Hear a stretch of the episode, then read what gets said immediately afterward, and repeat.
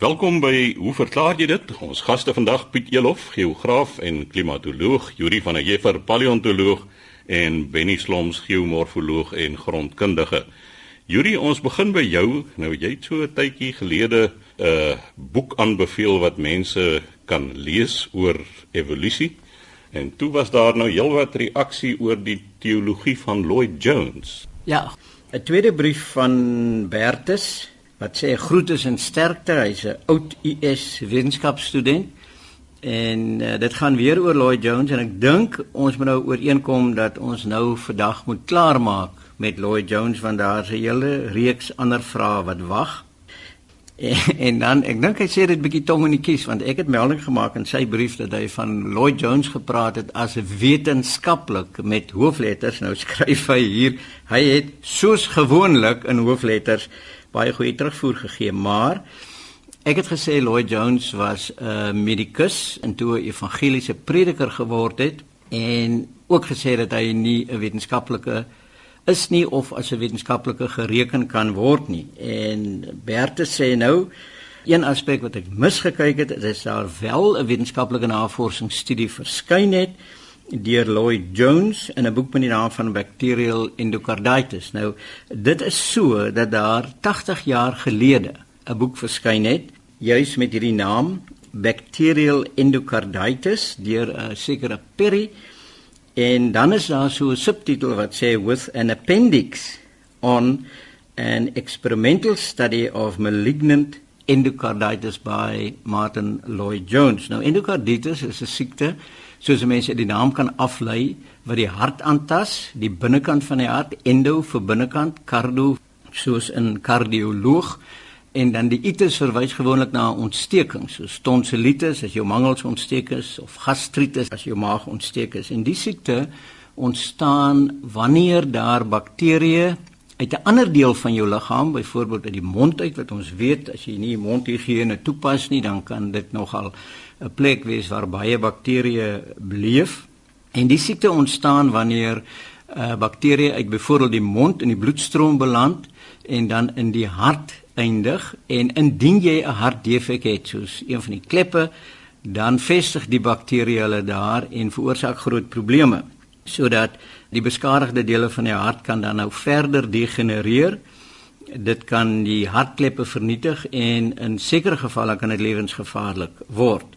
Nou vandag het ons doodgewoon antibiotikum wat toegedien word of in buitengewone gevalle is daar 'n chirurgiese ingreep wat dit dan herstel. Nou in 1936 was penicillin, die eerste antibiotikum nog nie beskikbaar nie. Dit het eers as gevolg van die werk van Alexander Fleming is in 1928 ontdek en eers met die dag die slag van Normandië was daar eers genoeg penicillin om dit aan al die geallieerde soldate te gee. So dit het nog nie bestaan in 1936 nie. Maar wat het Lloyd Jones nou eintlik in hierdie addendum, hierdie appendix van die boek geskryf? Dit was 'n poging bloot om die siekte in konyne te vestig. So hy het van die bloed geneem van besmette pasiënte om van die bakterieë in die hande te kry en dit in konyne ingespuit en in baie gevalle was dit suksesvol het hy hierdie siekte oorgedra na die konyne toe. Dit was nou die omvang van sy bydrae in hierdie boek. So Bertus met respek op grond van wat jy nou genoem het, een addendum in 'n boek 80 jaar gelede sou ek nie sê dat Lloyd Jones 'n wetenskaplike was nie, want om wetenskaplik te wees moet jy ten minste nuwe werk doen, dit moet herhaalbaar wees en 'n hele rits ander goede sodat op grond hiervan sou ek steeds daarby hou dat hy nie 'n wetenskaplike gewees het nie. Hy was wel 'n baie goeie mediese dokter. En ek wil afsluit Bertus weer eens met respek om te sê dat ek hou by my stelling dat uh, Lloyd Jones was nie 'n natuurwetenskaplike nie en op grond van die navorsing wat teoloë oor die Bybel gedoen het, was hy dus ook nie 'n Bybelwetenskaplike nie. En ek hoop ons kan nou die saak daarmee as afgehandel beskou. En Yuri van der Heever het gesê Nou Benny, jy het vrae ontvang oor plante, 'n hele paar nogal. Die een, as ek nou reg onthou, handel oor 'n vrye boom wat nie dra nie. En dan is daar 'n aardappelplant wat oënskynlik tomaties dra. Dankie Chris. Ja, ons het 'n interessante navraag gehad van Willie Kurloos. Hy sê hy het 3 boontjies gekweek, dis nou vye boontjies, afkomstig van saad uit voelmis. Nou die boontjies is nou al 3 jaar oud en die een van hulle dra vrugte nie. Nou die vraag is, hoekom dra hierdie boontjies nie vrugte nie? Nou wil hy net so kort agtergrond rondom vye. Die vye boom soos ons hom ken, waarvan ons die vrugte eet, bestaan eintlik uit meer as 1000 spesies. Hulle is nie almal eetbaar nie, maar daar's oor 1000 spesies van vye soorte. Nou, hulle word gereken as tropiese bome en die oorsprong van vye bome is in Wes-Asië. So, die verspreiding van vye het daarvandaan plaasgevind oor die hele Mediterrane streek en daarvandaan natuurlik na onder andere na Suid-Afrika toe. Nou vye is al bekend so lank as 5000 jaar voor Christus en 'n mens lees ook in die Bybel wat vye een van die meer bekende eetbare vrugte was waaroor geskryf is. Nou normaalweg vind voortplanting van vye bome plaas deur van steggies gebruik te maak. So dit is vegetatiewe voortplanting wat ons gebruik. Jy sny steggies, jy lê dit in, hy wortel en hy groei. Maar mens kan ook vye boontjies kweek vanaf saad. Nou jou saad wou nie bome gee wat vrugte dra nie. So wat is die probleem? Nou die belangrike ding om te onthou, die saad moet bevrug gewees het. Met ander woorde, daar moes bestuiving plaasvind het van die vye boom voordat jy sade kry wat vir jou vye bome sal gee wat sal vrugte dra. Nou in Turkye en in die Midde-Ooste is daar 'n wespe, 'n spesifieke wespe wat op hierdie vye voorkom en wat hierdie vye bestuif. So daardie wespe kom nie ander dele van die wêreld voor nie. So hier in Suid-Afrika byvoorbeeld word ons vye bome nie bestuif nie vanweë die afwesigheid van hierdie wespe. So die saad is eintlik ehm um, onvrugbaar. Dankie Yuri. Nou Indien jy vye boontjies wil kweek vanaf saad, dan is die enigste manier is om saad in te voer vanaf Turkye en die Midde-Ooste. Dit is wel moontlik om vye te kweek vanaf die saad, maar dan moet die saad vrugbaar wees. So en ek vermoed in jou geval is dit nou tipies voels wat die vye gevreet het wat onbevrug was die saad en die boontjies het opgekom, maar hulle sal nooit vrugte dra nie. En nou interessant, mense wat nou nie mooi gekyk het nie, as jy mense vy oopsny en dan sê jy mos daar is daar duisende sulke klein halmpies met sulke saaitjies aan die bopunt. Dit is natuurlik die vrug van die vy wat bestuif moet word en waarvan die sade ook vandaan kom. So wil jy ongelukkig is die slegte nuus dat daardie vye boontjies van jou sal nie vrugte dra nie as hulle mooi is kan seker maar bly staan, maar as jy werklik uh, vrugte wil hê, is my raad, dan kry jy jou van die beter vye soorte by 'n kwekery en plant hulle of so nie van 'n boom wat wel dra, kry jy jou steggies, lê hulle in en dan plant jy hulle. Binne iets wat baie interessant is, is as 'n mens in die rigting van Ceres ry en jy ry aan die ander kant Ceres uit met uh Tronsberg pas tot by Karoopoort, dan is daar 'n vye laning langs die pad. Nou as ek reg onthou, dan is dit die Kaapse bruin vy wat daar groei en my inligting is dat dit die langste vye laning aan een lopende vye laning in die land is. Nou as jy daar verbykom so in Maart maand en gaan soek bruin vye, daar's omtrent niks oor die van die Bobbiane uit die omliggende berge beskou dit as 'n supermark. Ja, Juri, ek ken daardie laning baie goed om die waar sê dit is 'n kenmerk soos 'n mens daar deur die poort gaan na die Tangwa Karoo toe.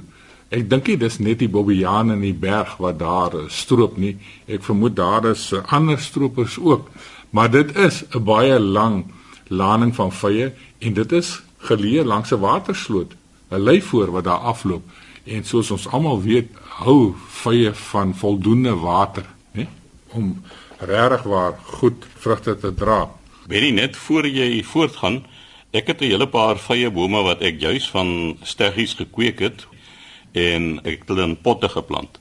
En in twee van die potte is daar klein vye boontjies wat opkom in die potte en ek neem aan dit moet nou van saad wees van die vorige vye. So ek kan daai boontjies eintlik maar uittrek en weggooi want om hulle uit te plant sal nie help nie. Hulle gaan nie dra nie. Heeltemal reg. Chris, maar daar's natuurlik 'n ander manier. Daardie boontjies wat opkom, kan vanaf die wortels wees wat opgekom het en dan sal hulle wel vrugbaar wees en sal hulle wel vye dra. So as jy daai klein boontjies sou uitgrawe, dan sou jy 10 teen 1 by die moederboom waar daar staan, se wortels uitkom. So moenie weggooi nie en as jy wil vermeerder, kan jy hulle gebruik. Die tweede vraag wat ek gekry het oor plante kom van Dani Brink van Mosselbaai. Hy sê hy het 'n aardappelplant daar in sy tuin wat tomaties dra. En hy het 'n aardappel en tomatieplant langs mekaar geplant. Hulle het terselfdertyd geblom. Let wel, die aardappelplant het ook geblom saam met die tomatie en die bye het van die een plant na die ander gewerk. Nou ek vermoed Dani, jy verdink die bye hierso van een of ander skelmstreek. Nou om terug te kom na die tamatie-agtige vrugte wat die aardappelplant dra en jy het mooi fotos vir ons gestuur daarvan. Reg aan die begin, daardie vruggies is nie tamatie-vrugte nie. Tomaties en aardappels behoort aan dieselfde familie, die Solanaceae, en hulle vruggies lyk ook baie dieselfde. So daardie vruggies wat jy sien aan jou aardappelplant is in werklikheid aardappelvruggies. En die bye het geen aandeel gehad om hier 'n nuwe mutasie te skep nie. Die bye is onskuldig. Normaalweg, normaalweg as aardappels blom en dit is 'n bekende verskynsel, verdroog daardie blommetjies en hulle val af. Maar onder sekere toestande en van tyd tot tyd kry jy aardappelplante wat aardappelvruggies gee wat soos klein tomaties lyk. Nou, soos die meeste van die groen dele van aardappels En hierdie groen vruggies bevat hierdie uh, vruggies eintlik 'n baie giftige alkaloïd en solanin. En hierdie klein vruggies moet 'n mens eintlik weghou van kinders. Veral as daar klein kinders in die huis is wat buite rondloop, hulle is lief om sulke klein vruggies te pluk en uh as hulle dit sou eet of in die mond sit en kou, dis gif wat hulle dan inkry. Jy ken mos 'n kind Dit help nie jy sê vir hom moenie dit eet nie. Dit is mos nou wanneer hy nou wel so toe sal gaan en hom gaan pluk. Hulle kyk jou mos so vas in die oë en terwyl jy sê moenie, dan gaan hy handjie uit en hy pluk. Ons ken daardie verskynsel. So om jou vraag te beantwoord Dani, dit is nie tomaties nie. Dit is 'n aardappelvruggie wat jy sien en as jy hom oopsny aan die binnekant, dan sal jy ook saadjies binne in daardie vruggie kry. En jy sou aardappelplante of aardappels kon kweek vanuit daardie saad. Maar die variëteit afkomstig van daai saad is nie noodwendig dieselfde variëteit as die aardappelplant wat daardie saadjies gedra het nie. Ek hoop dit beantwoord jou vraag. Hulle lyk net na mekaar omdat die tamatie en die aardappel van dieselfde familie afkomstig is. Benny, ek hoor wat jy sê oor kinders wat nie altyd los wat jy sê hulle moet los nie. Maar dit nie ook maar wat Adam en Eva al gedoen het nie. Ek het 'n vermoede daardie vraag moet na Juri toe gaan, Piet. Wel, Piet, as dit nie appel was nie, maar wel so 'n groen aardappel wat uh, hulle geëet het daar, dan sou ons nie oorbevolking gehad het in hierdie wêreld van ons nie. So sê Benny Sloms, ons geomorfoloog en grondkundige oor vye bome en tomaties en aardappels. Volgende aan die beurt is Piet Elof, ons geograaf en klimatoloog. Piet, jy het 'n verskeidenheid kwessies wat jy wil aanraak vandag. Ja, dankie Chris dis my weer opvallend nadat ek hierdie 4 5 briewe op my lesenaar gekry het hoe uiteenlopend die temas is of die onderwerpe wat ons bespreek vanmôre is weer een van hulle. En dan is daar 'n ander aspek wat uh, ek ook agtergekom het en dit is die die diversiteit van ons luisteraars. Dit is ouer mense, dit is kinders, selfs jaggidse het ons stemme herken rondom 'n tafel waar ons vleis gewerk het. Met ander woorde, hulle luister ook na RSG akademici. En dan wat my in die laaste tyd opval is daar's ook Engelssprekendes wat na hierdie program luister en ek sal net nou kommentaar lewer daaroor.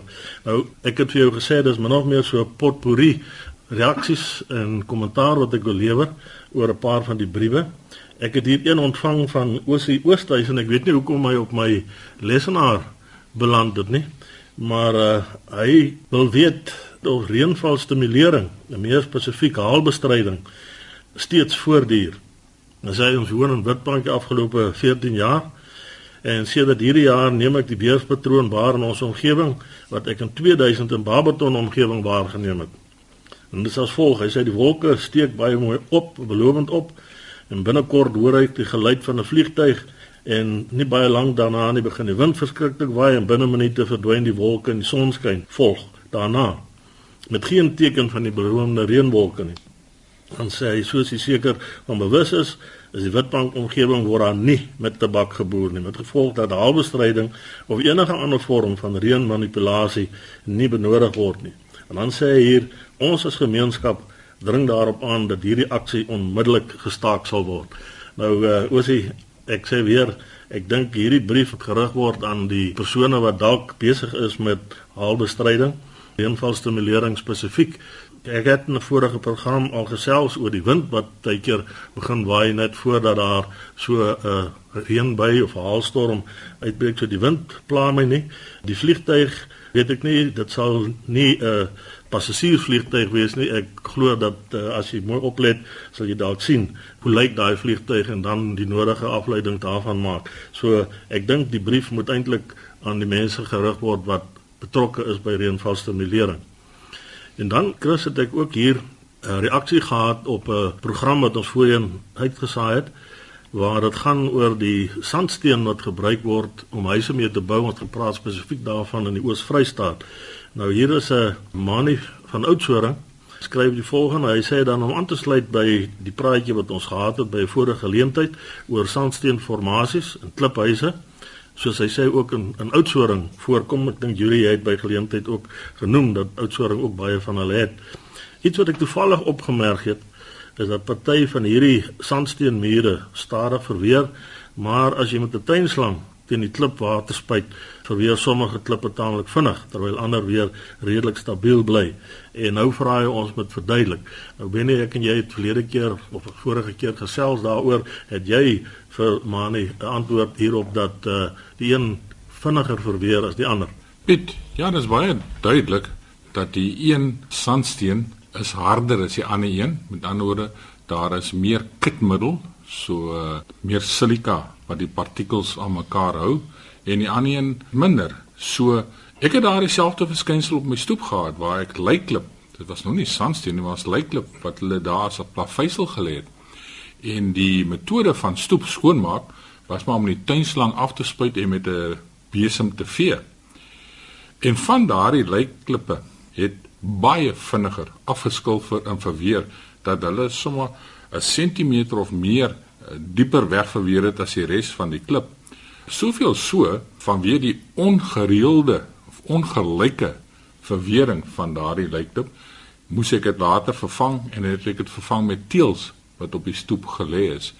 So dit is maar net die hardheid, die sementasie wat plaasgevind het tussen die verskillende soorte sandsteen wat die rede is vir hierdie sagter en harder gesteentes. Jy is heeltemal reg, Benny. As jy mense in die Karoo rondloop en jy kyk nou na die Oer rivierkanale waar die meeste sand vervoer is, dan kry jy 'n baie baie harde sandsteen wat daar vorm. En op die vloedvlaktes waar jy nou modderwater gehad het, dan kry jy nou moddersteen wat vorm en dit verweer maklik, dit verkrummel. En as jy nou tussen hierdie sedimente rondloop, dan sien jy juis plekke waar dit is 'n sandsteen maar daar's 'n bietjie modder by of is 'n moddersteen met 'n bietjie sand in en dit beïnvloed natuurlik die hardheid daarvan. So dis presies soos jy sê. Maar nee, dit kan natuurlik ook moontlik wees dat die sandsteen stene waarvan die huis gebou is nie noodwendig uit dieselfde sandsteen groef uitkom nie dat daar verskillende lae is soos wat Julie ook gesê het en dat die wat makliker verweer dan uit 'n laag uitkom wat nie heeltemal so hard en so goed gesementeer is nie. Chris dan wil ek graag hier 'n brief voorlees is na aanleiding van ook van die programme wat ons gehad het. En ehm uh, dit is Jen Ferguson en hy of sy sê ek wil net baie dankie sê vir jou wonderlike hoe verklaar jy dit program. Vergewe my asseblief dat ek wissel nou na Engels. Ek dink dat dit makliker vir jou sal wees as om met my flou Afrikaans te sukkel. Your program is one of my Sunday highlights. Cup of tea, embroidery, and you clever, clever men. What a joy. I so enjoy the wide scope of knowledge that you cover and the simple way in which things are explained. I do miss some salient points when my Afrikaans just is not up to it, but I also appreciate the camaraderie in the team. You really sound as if you're enjoying your time together. Now, uh Jen, ek moet miskien net kommentaar lewer oor hierdie kameraderie. I'm not sure which team you're actually referring to, but I now have this letter in this team and uh I would like to believe that you are referring to the camaraderie in this particular team. Miskien kan ek net so 'n geheimpie verklap. Ek en Benny was op universiteit kamermaats gewees. Ons het vir omtrent 30 jaar plus kollegas in die departement geografie en omgewingsstudie op Stellenbosch en ons ander kollega hier Yuri van Heever wat by die zoologie departement betrokke was en nog steeds is het in dieselfde gebou gewerk, die natuurwetenskappe gebou. So ons drie ken mekaar nou al baie jare en het ook baie jare nie vir mekaar kwaad gewees nie en met mekaar gesels. En daarom is ek uh, seker daarvan dat dit een van die redes is hoekom ons drie hierdie program so geniet. Chris en dan hier is ene wat eintlik vir die manne wat gewere optel en pyl en bo optel 'n uh, sensitiewe saak kan wees en daar word baie geskryf daaroor. Die persoon is Nico Keen en hy sê vir die afgelope 15 jaar ek net met pyl en boog en ek het baie diere geskiet, al die verskillende spesies van vlakvark tot jy noem dit. Nou my waarneming was dat alle bokke wanneer hulle in mekaar sak gaan lê op die sy waar die pyl gepenetreer het en nie waar hy uit is nie. 99,9% van alle gevalle gebeur dit.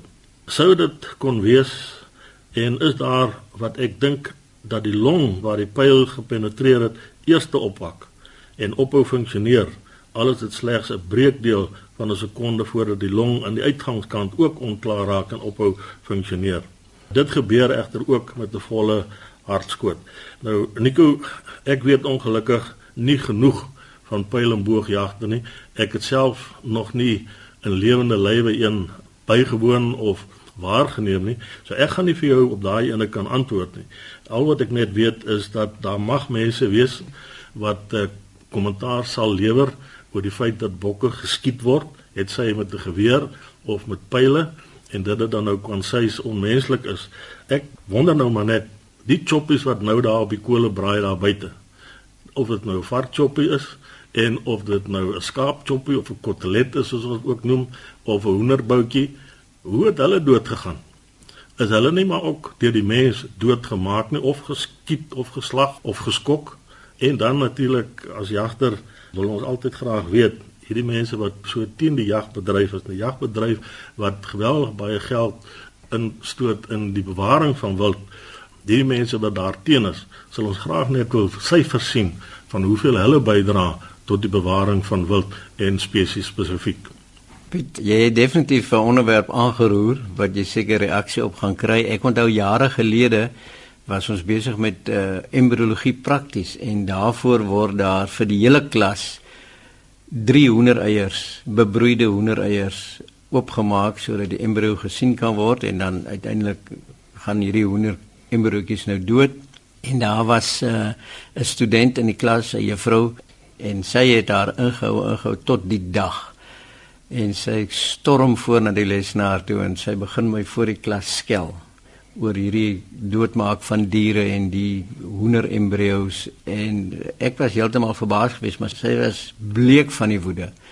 En al wat ek toe gedoen het wat ek dink om kon te gedoen terwyl sy gepraat het, het ek na haar voete gekyk. En toe sê klaar as toe sê ek van maar jy dra leer skoene.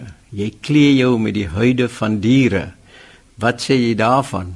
Toe sê sy dit het niks met die hele saak te doen nie en sy storm uit.